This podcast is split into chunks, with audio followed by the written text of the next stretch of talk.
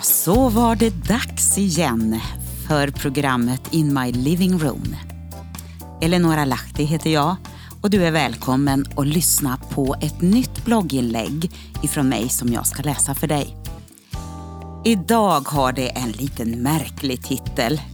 Det är eh, en titel som heter Äsch, de är väl bara fulla.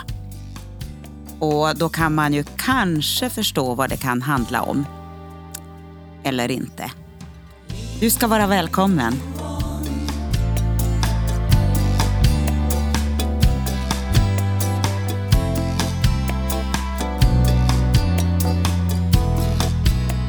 Alltså, tänk vilken fantastisk tid vi är mitt uppe i nu. Mellan hägg och syren. Och vad ska man göra då? Jo, man ska göra ingenting. Man ska njuta utav den här äh, årstiden, utav de här korta veckorna som bara svischar förbi. Ja, det är lagom lätt det tänker du. Jo, jag vet, det är mycket som ska hända den här tiden på året. Och vi får väl försöka att äh, pyssla med våra almanackor så vi får till allt på ett bra sätt. Men glöm inte bort njuta av den här tiden. Vi här i Sverige har ju så korta sommardagar. Ibland vet man inte riktigt, oj då, har sommaren varit redan? Man vet aldrig riktigt hur fortsättningen kommer att bli. Så det gäller ju att passa på. Ja, nu ska vi köra igång med nästa inlägg som hette som sagt var Äsch, de är väl bara fulla.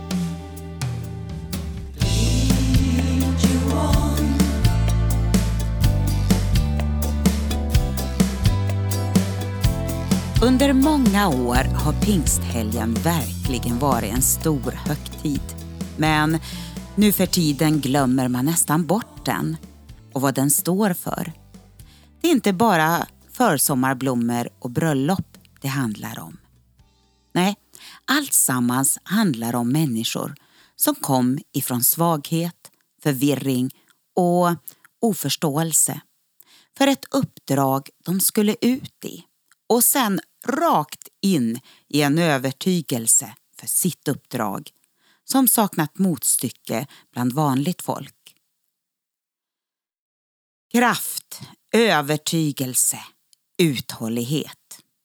Ja, tidigare hade lärjungarna argumenterat och diskuterat för det var svårt och krångligt att förstå utifrån deras naturliga sinnen.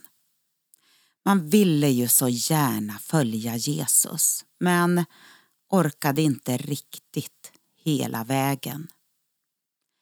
Man förnekade och förrådde. Judas och de andra. Men allt blev nytt när de mötte den uppståndne Jesus.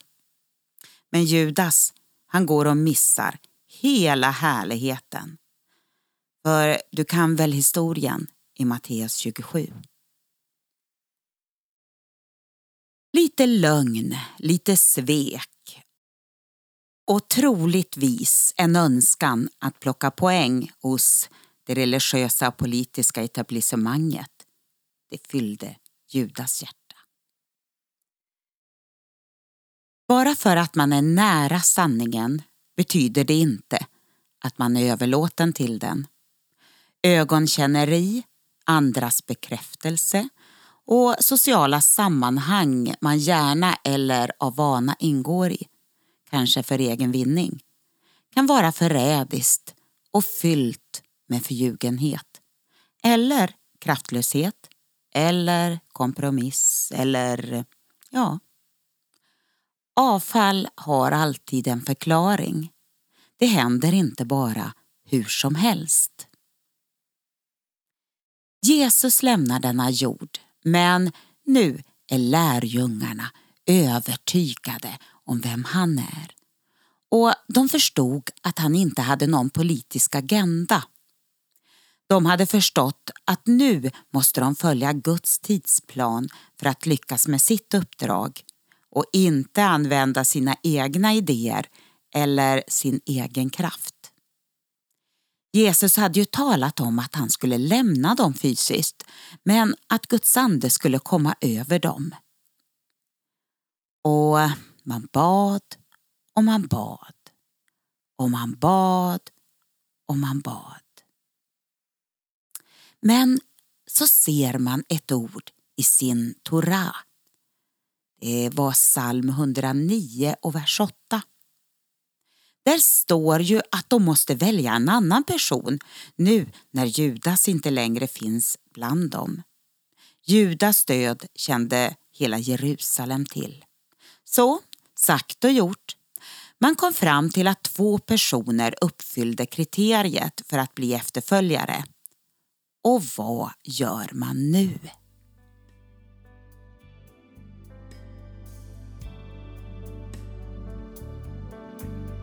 Sedan bad hela gruppen. Herre, du känner allas hjärtan. Visa oss vilken av de här två du har utsett till ditt sändebud istället för Judas, som svek sitt uppdrag och har gått till den plats där han hör hemma. Sen drog de lott och på det sättet blev Mattias vald till sändebud tillsammans med de elva.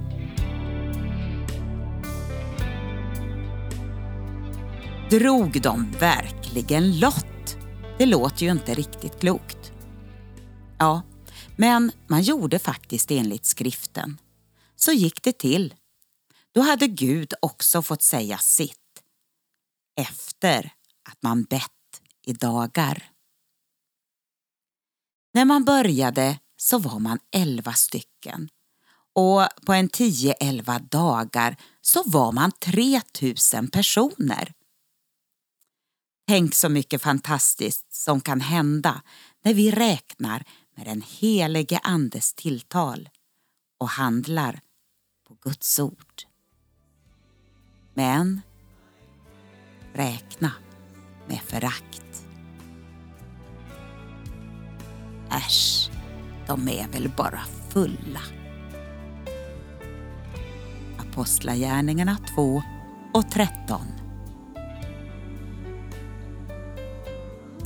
Nu är det dags att spela lite musik efter det här. Och jag tänkte att jag ska plocka fram en av mina sånger som heter Jesus, Wonderful Jesus.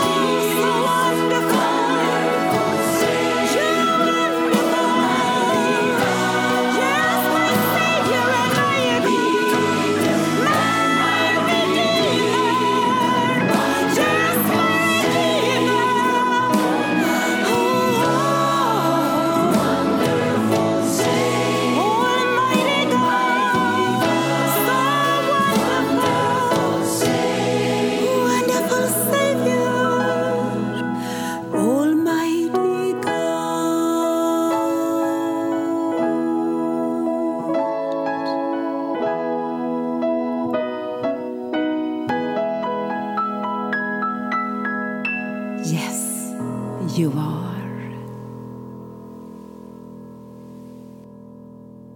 Ja, det var min sång som heter Jesus Wonderful Jesus.